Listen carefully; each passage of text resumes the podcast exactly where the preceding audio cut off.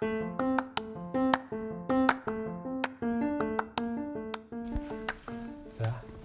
Би социологийн ангийн оюутан гişиг төгс энэ удаа социологийн контентыг хүргэхдээ Air From-ийн би эсвэл байх гэсэн номыг авсан байгаа.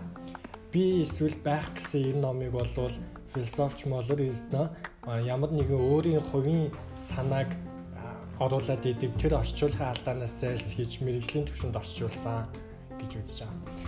Авторын тухай авч үзвэл Air From болвол 1900 онд Германы Франкфуртын Майн хотод төрсөн социологийн мэрэгчлээс докторийн зэрэг хамгаалсан.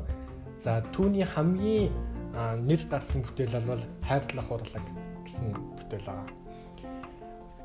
To have буюу би а to be буюу байна гэдэг энэ хоёр үг хоорондоо асар их ялгаатай гэдгийг бид авч үзэх шаардлагатай гэдгийг зөвхөн хоёрхан үгэн дээр анхаарч Air from маш том агуулгыг одоо гаргаж ирсэн байгаа. За эхлэл хэсгийг авч үзвэл дэлхийн ертөнцийн өнөөдөр техникийн хүч чадлыг гайхуулж сайенс буюу шинжлэх ухаан бол бүгдийг мэдэж чадна гэсэн тийм үнэмшлүүдийг бол төрүүлсэн байгаа юм.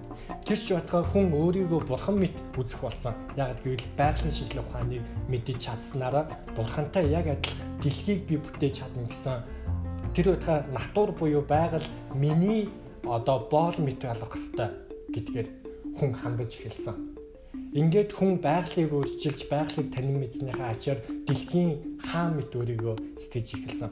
Ингэснээр хүн бас нэг талаараа тансаг амьдралыг илүүд үзсэн байна. Өөрөөр хэлбэл луксус буюу байгаль энэ орчлон дэлхийн бүх юм ер нь хүнд зориулагдах хэвээр гэсэн тийм утганы бий болгожээ гэж дэлхийн баян орнуудын эдийн засгийн өсөлт нь зөвхөн тэр баян орнуудын хувьд л биелэгдэх болоод ингээ баян болон ядуу орнуудын ялгаа улам их ихссэн гэж үзсэн. Техникийн дэвшил, экологийн сүрлийг авчираа зогсоогүй атомын дайныг хүртэл авч ирсэн. Бидний нөгөө сайн сайхан хөгжил гэдэг байгаа ч муу мухагаас авч ирсэн гэж байгаа. Тэгэхээр магадгүй хүн төдлөختн цаашлбал бүхий л амьд амьтанд төгсгөл авчирч чаднаа гэж хэлээд хүний бодол сэтгэл бас тааллууд хэвлэл мэдээллийг эзэмшсэн тэр компаниуд төрийн аппаратуудыг одоо манипуляцлсан манипуляцлсан гэж байгаа. Тэгэхээр өөрөөр хэлбэл энэ бүхэн болвол би гэдгийн утгаар явж байгаа. А надад машин би, надад ихч би, надад үзэг бийч гэдэг юм уу? Надад ямар нэгэн юм би гэдгээрээ хүн байгаль дэлхийг яг ингэж хандсан. Өөрөөр хэлбэл би байна, би аав байна гэдэг юм уу? Байх гэдэг утгаа алдсан гэсэн үг. Тэгвэл Эрфрам бол социологийн ялангуяа ажиглалтын аргаар маш сайн одоо энэ аргыг хэрэгэлдэг. Тимээс түүний нэг баримтыг ажигласан ажиглалт нь юу гэхээр жаргал хөөсөн хүмүүсийн хөөлтүүд нь тайван байхад хүргэхгүй гэсэн бид ингээд ийм жаргалгүй хүмүүсийн л нийгэм болсон байна гэж үзэж байгаа юм. Яг гэвэл жаргалыг бас би надад жаргал би гэдэг утгаар авч үзэх гээдсэн байна. Жишээлбэл ганцаардсан айдсаа шаналсан, бачимдсан нураасан ямар нэг хамааралтай ийм л хүмүүс юунд мишээдэг вэ гэхээр үргэлжийн л зав зай гаргах гэж оролдоод тэр завтай цагаа юу ч хийхгүй өнгөрөөхдөө мишээдэг. Аа хуваалцах биш харин зөвхөн өөртөө эзэмших гэдэг бол надад баяр баясгал авч болсон. Яагаад гэвэл надад би гэдэг тэр зүйл чинь би эзэмшнэ гэсэн цаа дотор явж идэг.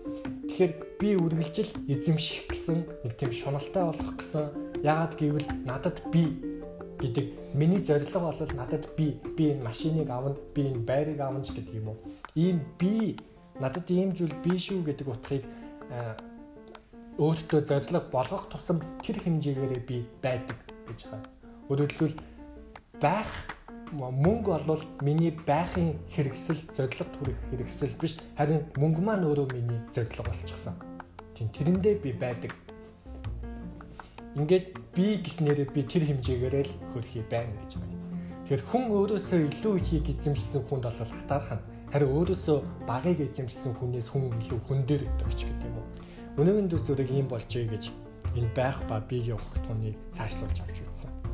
Ингээд би гэж хэлэх тусам нийгэм бол өөртөө дондох шинжийг имгийг үүсгэж яадаг. Энийг бол ийм патолог буюу имгийг нь ялангуяа улс төрчид нийгмээс нийгмээс илүү нийтийнхаас илүү хувийнхаа амьдралыг бодсон шийдвэрийг гаргахад хинч зочрохоо болдог нийгэм. Одоо шашны болоод бусад том сэтгэгчдийн яриаг авч үзвэл тэд ч гэсэн би эсвэл байх хоёрын ялгааны утгыг гаргаж ирсэн байгаа. Буддаа гэхэд юу гэж хэлсэн бэ гэвэл хүний хөгжлийн дээд түвшинд хүрэхийг хүсвэл эзэмших гэж бүүздэг гэсэн. Есүс юу гэж хэлсэн бэ гэвэл хэн амиа аврахыг хүсэн тэр хүн амиа алдна. Хэн миний төлөө амиа алдна вэ? Тэр түүнийг аврана гэсэн. Карл Маркс юу гэсэн бэ гэвэл луксус буюу тансаглал бас л ядууралтай яг адилхан хүний садаа. Тиймээс хүний зориг хэн байхтай чухал болохоос би гих чухал биш ээ гэж. Сэтгэгчд үсэл би эсвэл байх хоёрын ялгааны утгыг юм авч үзсэн. Мөн Эрфрам бол Гочигийн шүлгээс ш татсан байгаа юм. Олсон гэсэн шүлэг. Одоо энийг би та бүхэнд уншчихъя. Гочи юу гэж бичсэн бэ гэвэл би ойд явна. Өөрөө өөртөө л явна. Юу ч ирээгүй. Энэ л миний учир.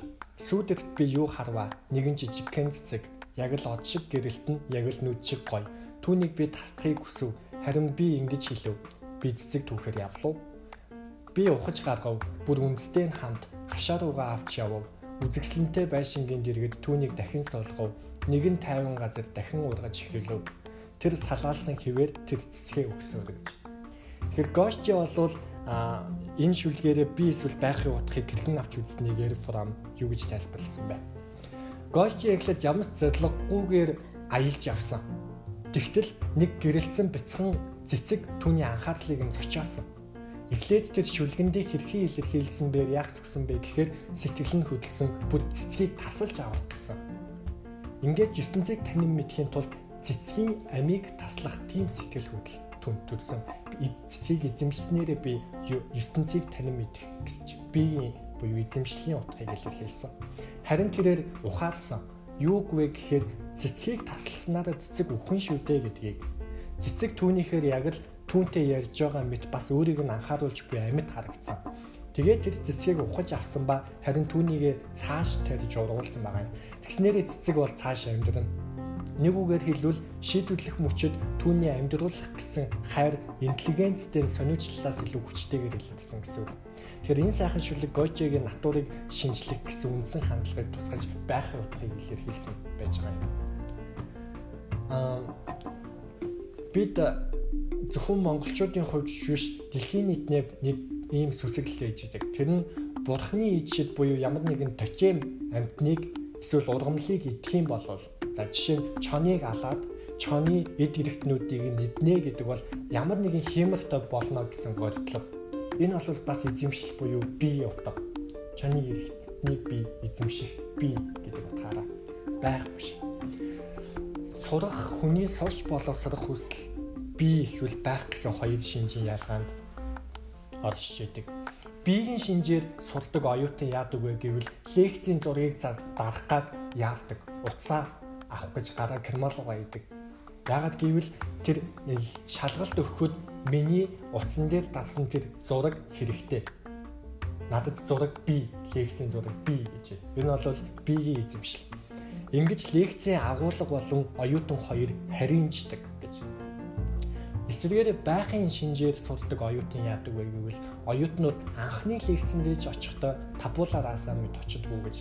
Табула раса гэдгийг бол цагаан цаас мэд одоо юу ч бичээгүй самбар мэд гэсэн тийм онолоор авч үздэг. Хүн тэгээд өөрөө тэр цаасан дээрээ самбар дээрээ бичдэг. Өөрөөр хэлбэл юу ч мэдгүй лекцэн дээр очих биш. Тэр лекцээ эх 7 оныхоо лекцийг судалж мэдээд тэгээд нэг жижигхэн ойлголттойгоор очдог гэсэн үг.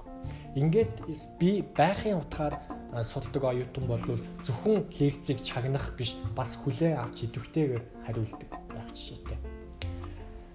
Аа биеийн жишээ гэвэл ерөөсөө хаасайгүй хамгийн эмгэн жишээ гэвэл нэг дэлгүүрийн худалдагчийн л үдэс тутмын үйлдэлийг авч үзье. Хэдийгээр дэлгүүрийн худалдагч 2 3 хаан юмсыг хоорондоо нэмэх энгийн л үйлдэлийг толгойдоо хийхгүй харин шууд тооны машин руу чармааж идэг. Энэ бол биеийн шинж тооны машиныг эзэмших бие гэсэн утгаар.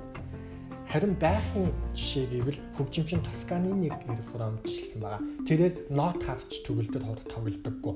Түүний санамж бол маш сайн. Тэр хөгжмөө тоглохдоо байхын шинжээр тоглодог гэсэн үг.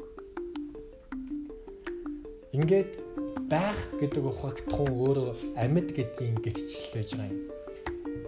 Биеийн шинжээр байгаа хүн болвол өөртөө юу бий вэ гэдэгтэй л найддаг. Харин байхын шинжээр байгаа хүн болвол би хэн байна вэ гэдэгтээ итгэдэг.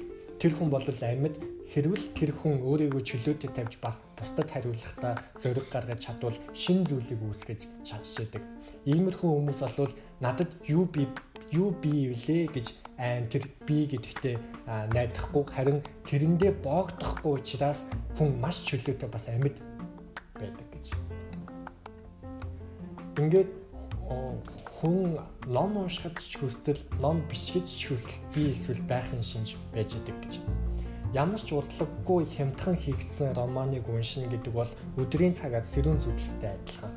Энэ үед ямар ч бүтээлч реакц төрөхгүй телевизийн нэвтрүүлгийг бид яг залхитай адилхан тэр текстийг, номын текстийг зөвхөн л залгина. Эсвэл яг попкорныг бид кино үзэхдээ ямарч бодлогоогоор идэхдээ яг адилхан зүгээр л идэнэ. Харин Балцаки романыг уншина гэвэл дотоод бас бүтээлч оролцоонууд төрж энэ юу гэсэн үг юм бэ гэдгийг өөрөлдөл байхын шинжээр уншина гэсэн. Биеийн шинжээр ойлгох ойлголтыг from нэгэн жишээгээр авсан байгаа юм. Жишээл хүн бол улс төрийн амьтанч гэдэг юм уу эсвэл би бодно тэгэхээр би байнч гэдэг юм уу философийн үгнүүд байж байгаа. Философчдын хэлсэн үгийг бол хүүхдүүд цээжээр тавтаж хэлнэ гэдэг бол болвол энэ биеийн шинж. Гэтэл энэ биеийн шинжийг багш нар нь шууд ингэж цээжилж тавтаж хэлж байгааг нь сурагчдыг онд сайн байна гэдэг. Ийм сурагчид бол яг музейн тайлбарлагчтай адилхан гэж байна.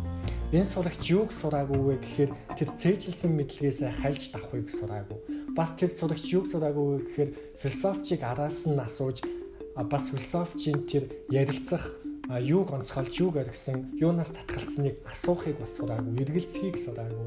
Энэ сурагч юуг сураагүй вэ гэхээр зохиогчийн санаануудын ялгааг ялгахыг сураагүй. Ягаад гэвэл тухайн санаанууд цаг үедээ ухамсартай байсан мөн шинээр зохиогч юу гаргаж тавьсан бэ гэдгийг ялгаж сураагүй.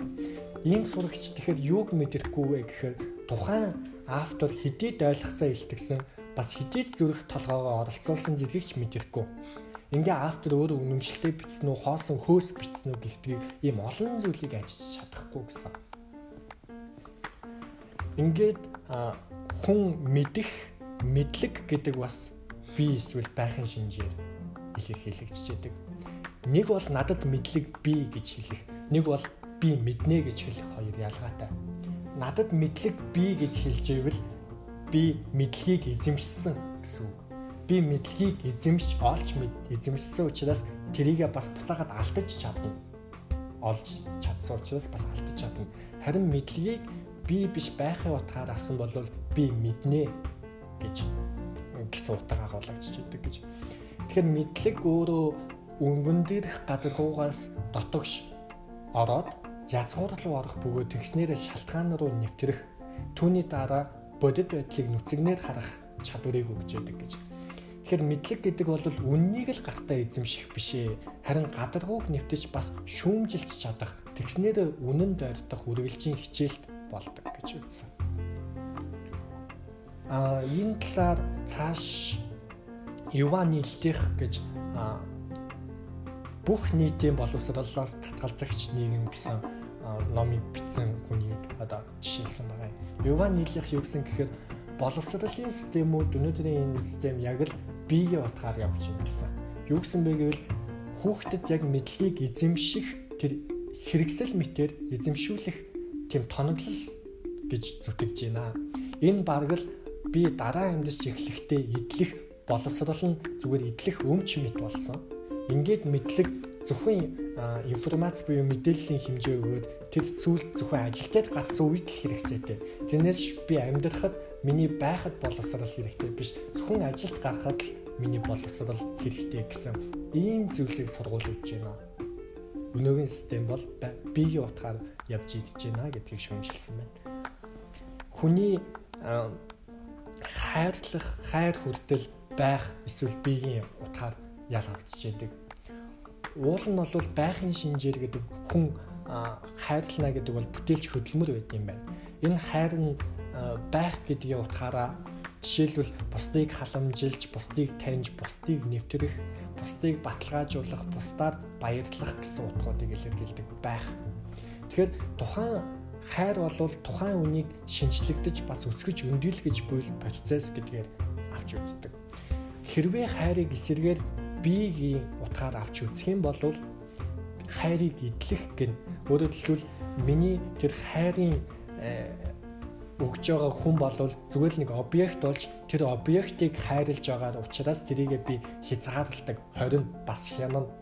Иймэрхүү хайр бол багалзуудсан, татгансан, амьсгаа болсон.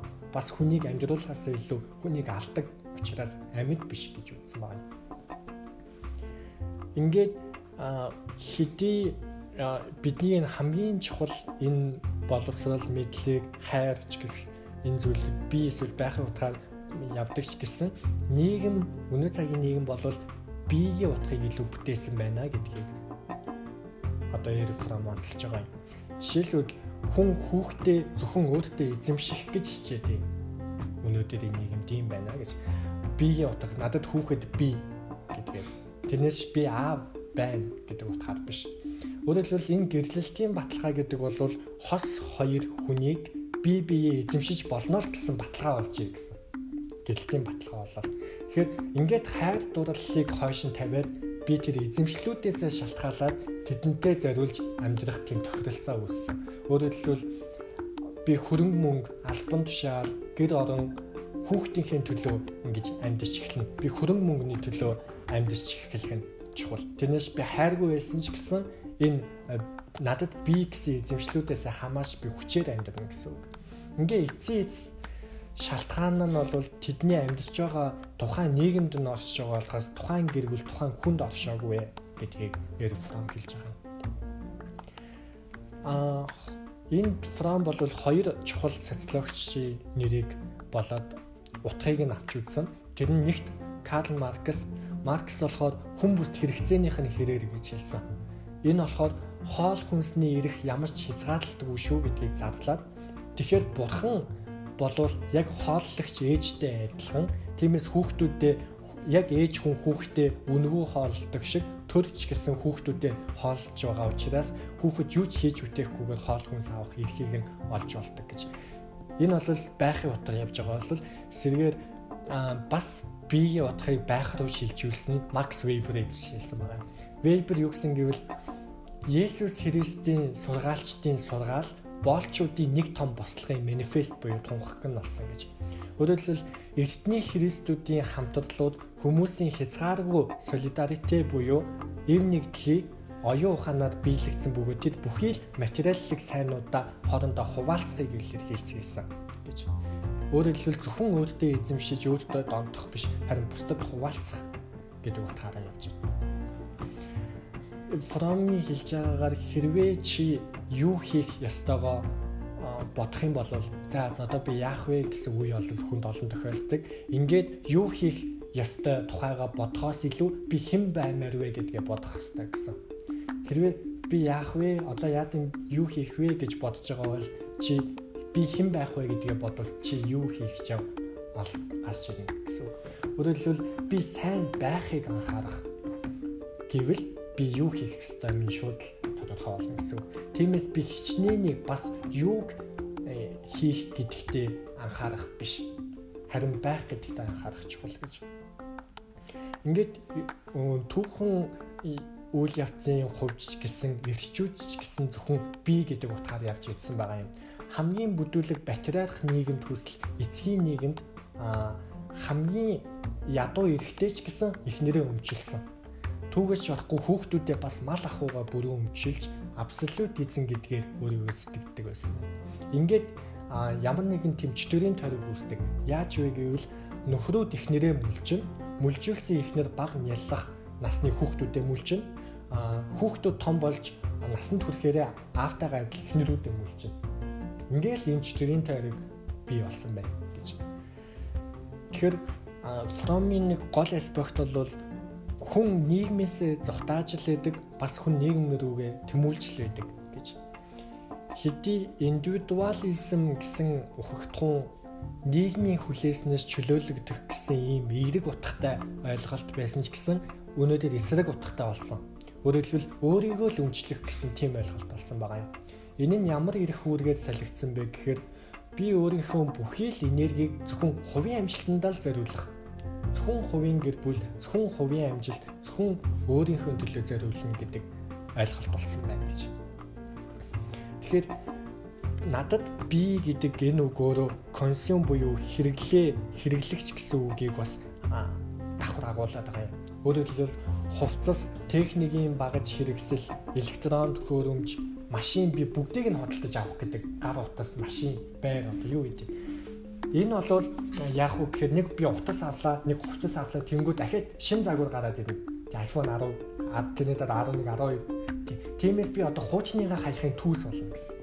Тиймээс миний худалдаж авсан тэр зүйл маань хэсэг хугацаанд л би эзэмшин бас хэрэглэн. Тэгэл би хаян яг тэгэл шинийг авах гэж би яарав Ингээд хэдийхэр би ямар нэгэн зүйлийг эдлэн вэ төдий хэмжээгээр би ялсан мэт сэтгэл хөөрхий минь төрнө гэж. Ингээд надад би гэдэг бол хүнийг хэрэглэгч нь болгож нийгмийг тэс чигээр хэрэглээний нийгэм болгох гэсэн утга явж байна гэж. Ингээд хамгийн сүлд нь хэлэхэд шууд from номноос нэг параграфыг ишлэлсэн. За тэр нь юу гэвэл залуу үеийнхэн дуртай хөгжмөө сонсохын тулд мөн хүссэн хүмүүстэйгээ уулзахын тулд төлөх үнээс давсан удаан болон бэрхшээлтэй аяллуудыг хийхээс буцдаггүй. Гэхдээ тухайн зорилгууд тэдний хилдгээр үр ашигтай юу гэдэг тухай энд ярилцах хэрэггүй. Тиймээс залуу үеийнхэн тэр арга хэмжээг чухалчлаагүй ч гэсэн бас түүндээ сүрхий бэлдээгүй ч гэсэн бас төвлөрөх чадвар дутсан ч гэсэн энэ залуу үе байх гэж оролцсон хэрэг юм. Тиймээс залуу үеийнхэн оролцсныхоо төлөө би юу авах юм бэ? Эндээс юу үлдэх вэ гэдгийг тэд асуудаггүй. Харин тэд ахмаг насны үеийнхнээс илүү шударга хэмээр тэдний философийн бас политикийн үнэмшлүүд нь магадгүй гинэн Гэхдээ тэд өөрсдөө зах зээл дээр үргэлжил биегээ гайхуулах гэж объект болгон хичээхгүй. Залуу үеийнхэн заавалчгүй имижийн тухай ярихгүй ингэх гэж бас ухааралтайгаар эсвэл ухаарлгүйгээр хотлоо хийхгүй. Тэд олонхын үннийг нуух гэж оролцсон оролдлогыг дагахгүй түүнийхээ төлөө тэд бас энерги бардаггүй. Тэд ахмаг насныханд цөөн бишээр гайхагдах ба ахмаг насныхын ч тэдний чадварыг нууцхандаа дэмжиж залуу үеийн өөрсдийн үнэнчээр үннийг харах харц болон илэрхийлэх илэрхийллийг биширдэг залуус улс төрийн янз бүрийн бүлэглэлүүд бас шишний янз бүрийн чиглэлүүдэд хамрагдах ба тэдний ихэнх ганцхан идеологиг буюу ганцхан захиргааталтыг төлөөлдөггүй. Харин тэд эхлээд эрэл хайлт хийж байгаа гэдэгтэй л илэрхийлдэг. Хэдийгээс тэд зорилгоо олоогүй ч гэсэн хэдий залуу үеийнхэн амьдралын чиглэлээ гаргаагүй ч гэсэн тэд өөрөө өөрийгөө хэн байхын төлөө явж байгаа хүмүүс. Харин эзэмшийн төлөө биш, худалдаа авахын төлөө биш гэж хэлжээ. Ингээд би нийт 280 хуудастай Air From-ийн би эсвэл байх гэсэн номын эхний 100 хуудсыг товч хамгийн гол агуулгуудыг та бүхэн төрөглөө. Ингээд цааш та бүхэн сонирхвол энэ номын үлдсэн 180 200 хуудсыг уншаарай гэж хүсэж байна. Баярлалаа.